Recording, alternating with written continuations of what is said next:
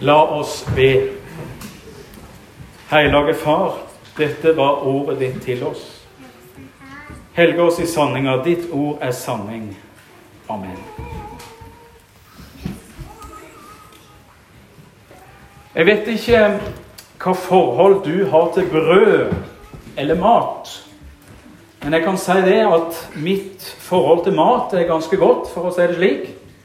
Og det ville dere ha sett hadde det ikke vært for prestekjolens slankende effekt. Mer eller mindre.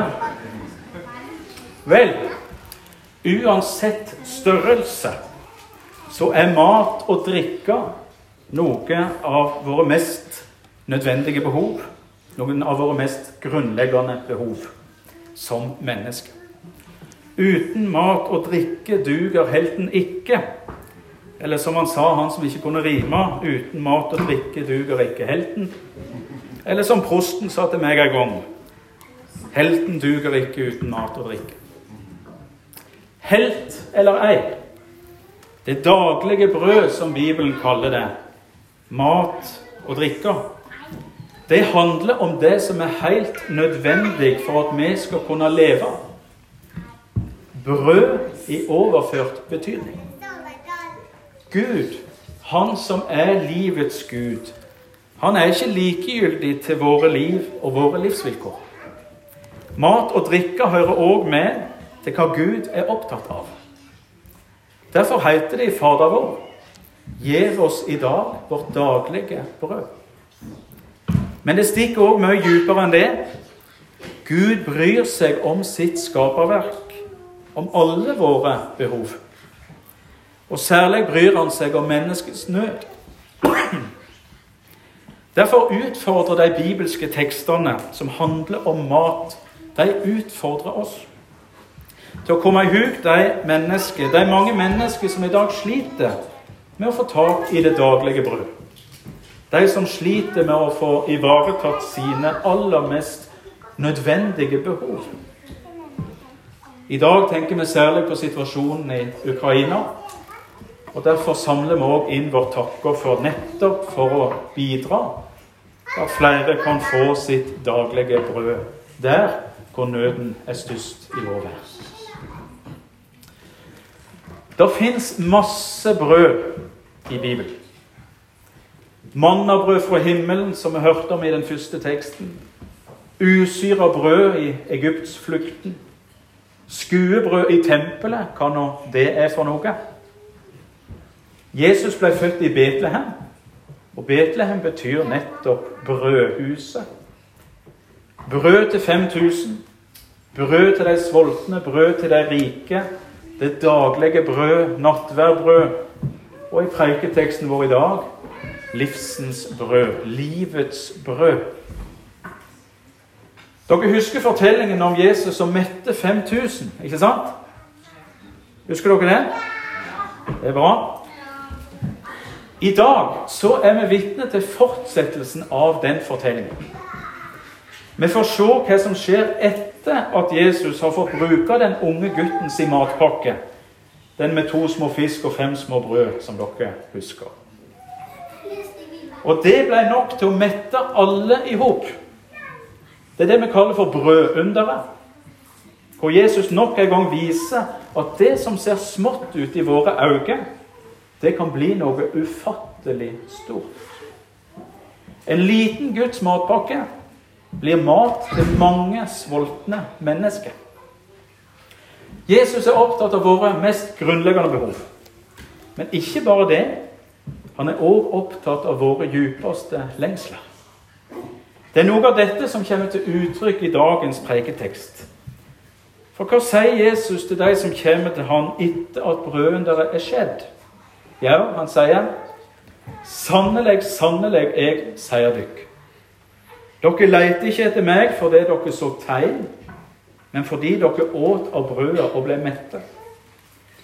Arbeid ikke for den mat som forgår, men for den mat som varer og gir evig liv, den som menneskesønnen skal gi dere.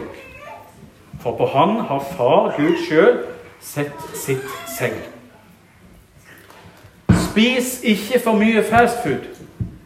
kunne Jesus sagt til oss i dag. Og vi holder oss i matmetaforen. Her ligger på mange måter advarselen til oss i dag. Jesus advarer oss mot å arbeide for en type mat som forgår, som ikke duger, som ikke gir god næring og sunn næring. Han anbefaler oss heller å ta imot den mat han vil gi oss.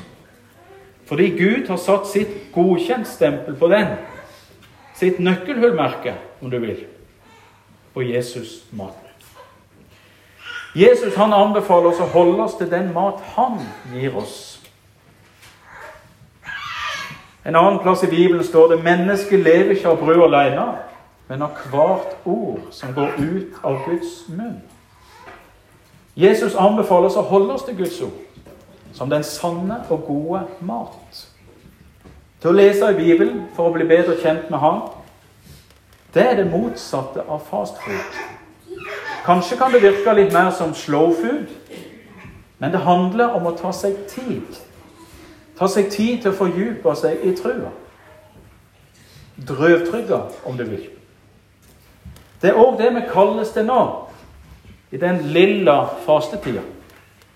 For å ta et avbrekk fra den vanlige maten vår. Kanskje helt fysisk med å faste fra mat, sånn som noen gjør. Kanskje ved å ta seg fem minutter ekstra til bibel og bønn om dagen. Fastetida utfordrer oss til fokus. Fokus på det Jesus gjorde for oss i påskehøytida som nærmer seg. Fokus på hva trua faktisk betyr for meg, for oss og for vår neste. Gjerne ved å kutte ned på noen av våre behov. Arbeid ikke for den mat som forgår, men for den mat som varer og gir evig liv. Den som menneskesønnen skal gi dere. Fortellingen om når Jesus mette 5000, den handler om noe mye større enn en sensasjon. Jesus gjør aldri det han gjør for å skape sensasjon eller wow-stemning. Men noen ganger i livet sitt gjorde han det vi kaller for tegn. Handlinger som særlig peker på at Jesus er Guds sønn. Ja, at Jesus er Gud sjøl. Gud som bryr seg om våre mest grunnleggende behov, men òg våre djupeste lengsler. Det er på mange måter det han forklarer oss dypene av i vår tekst. Den kristne tro handler på mange måter om å gjøre noe. Den kristne trua handler på mange måter om noe så enkelt som å ete. Ta dette og et det. Gjør dette til minne om meg. Nattverd. Kirkas kanskje viktigste handling består i å ete og drikke. Og idet vi eter brødet og drikker vinen, så får vi del i Jesus sjøl, den mat som varer. Velsigningsbegeret som vi velsigner, gjev det ikke del i Kristi blod. Brødet som vi bryter, gjev ikke det del i Kristi kropp. La oss med fra Korinterbrevet. I nattverden kommer Jesus oss helt nær og gir oss av seg sjøl gir oss det han har gjort for oss. Gir oss del i kjærleikens offer. Den kjærleiken som er sterkere enn døden. Den kjærleiken som rommer oss alle. Som svarer på våre djupeste lengsler. Gud har plass til alle mennesker. Det er òg det fortellinga om når Jesus mette 5000 dypest sett handler om. Antallet 5000 er ikke så viktig. Antallet må forstås på et dypere plan. Og Det forteller oss at Guds omsorg gjelder alle mennesker. Den gjelder hele verden. Gud vil at alle mennesker skal bli frelst og ha en relasjon til ham. Det var mer enn nok brød til de 5000. De samla inn fulle korger. Og på samme måte er det mer enn nok av nåde og kjærlighet fra Gud til alle mennesker. Jesus har gitt livet sitt for alle mennesker. Det kristne livet det handler derfor først og fremst om det som Jesus sier til oss i dag, når han blir spurt av folket hva gjerninger er det da Gud vil at vi skal gjøre? Og Jesus svarer dette er den gjerninga Gud vil at det skal gjøre. Tru på Han som Gud har sendt. Og hvem har Gud sendt? Hva er svaret når presten spør? Jesus! Noen visste det veldig bra. Trua på Jesus er alltid kjernen. Kjernen og stjernen, som, Jesus, som Luther sier. Den kristne trua handler om å ta imot. Om å ta imot Jesus.